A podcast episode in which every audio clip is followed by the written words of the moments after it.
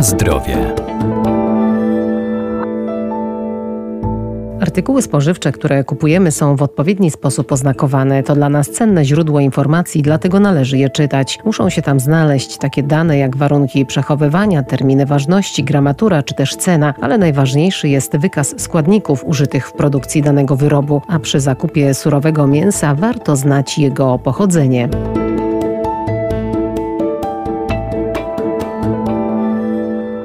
Nazwa świeże mięso oznacza, że nie zostało poddane żadnemu procesowi poza chłodzeniem czy mrożeniem. Nie może też zawierać przypraw i substancji dodatkowych. Zaś nazwa surowe wyroby mięsne oznacza mięso, do którego producent dodał środki spożywcze, przyprawy lub substancje dodatkowe, albo takie, które nie poddano parzeniu czy gotowaniu, ale przy zakupie mięsa luzem warto dokładnie obejrzeć dany asortyment. Przy zakupie tego rodzaju produktów proszę zwrócić uwagę na to, czy mięso, które kupujemy, jest ładnej barwy, lekko różowej, niemocno przekrwione i jak zachowuje się w przekroju. Jeśli kupujemy schab taki, który chcemy, aby był smaczny, był zdrowy, powinniśmy kupować taki schab, który ma w przekroju około 10-15 cm.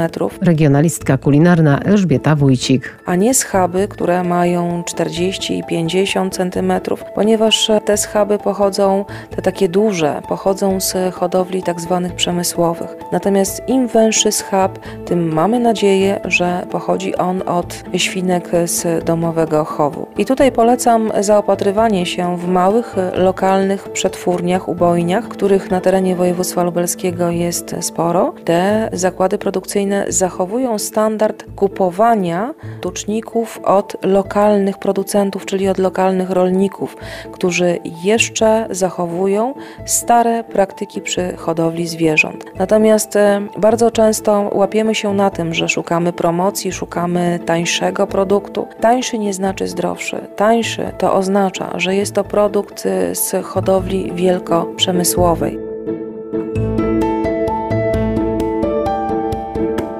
Na zdrowie.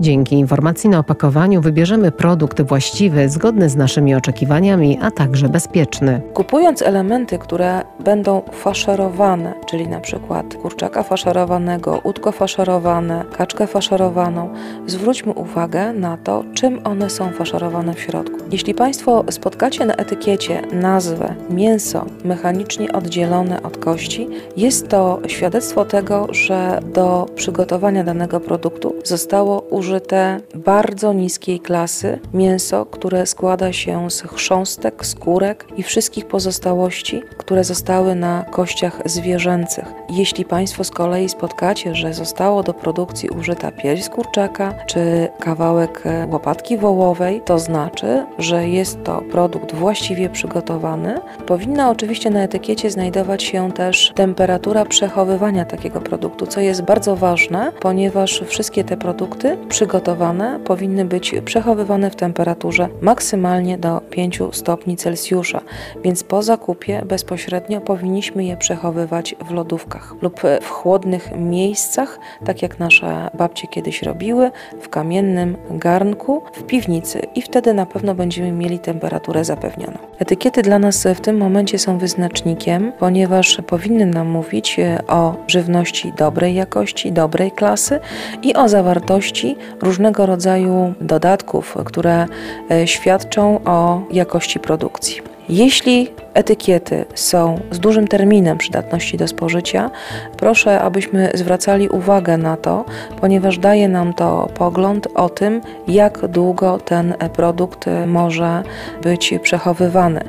Im dłuższa data od daty produkcji, tym i terminy ważności, przydatności tych produktów, to świadectwo o tym, że są dodawane środki konserwujące, mogą być to sztuczne elementy podkreślające smak i zapach. E, są to dodawane e, środki żelujące, e, wzmacniające smak, więc im krótszy termin przydatności do spożycia, tym mamy nadzieję, że produkty przez nas kupowane są lepszej, wyższej jakości.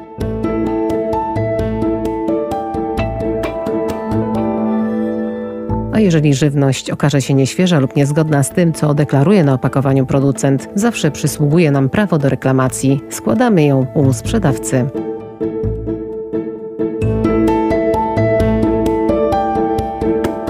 Na zdrowie.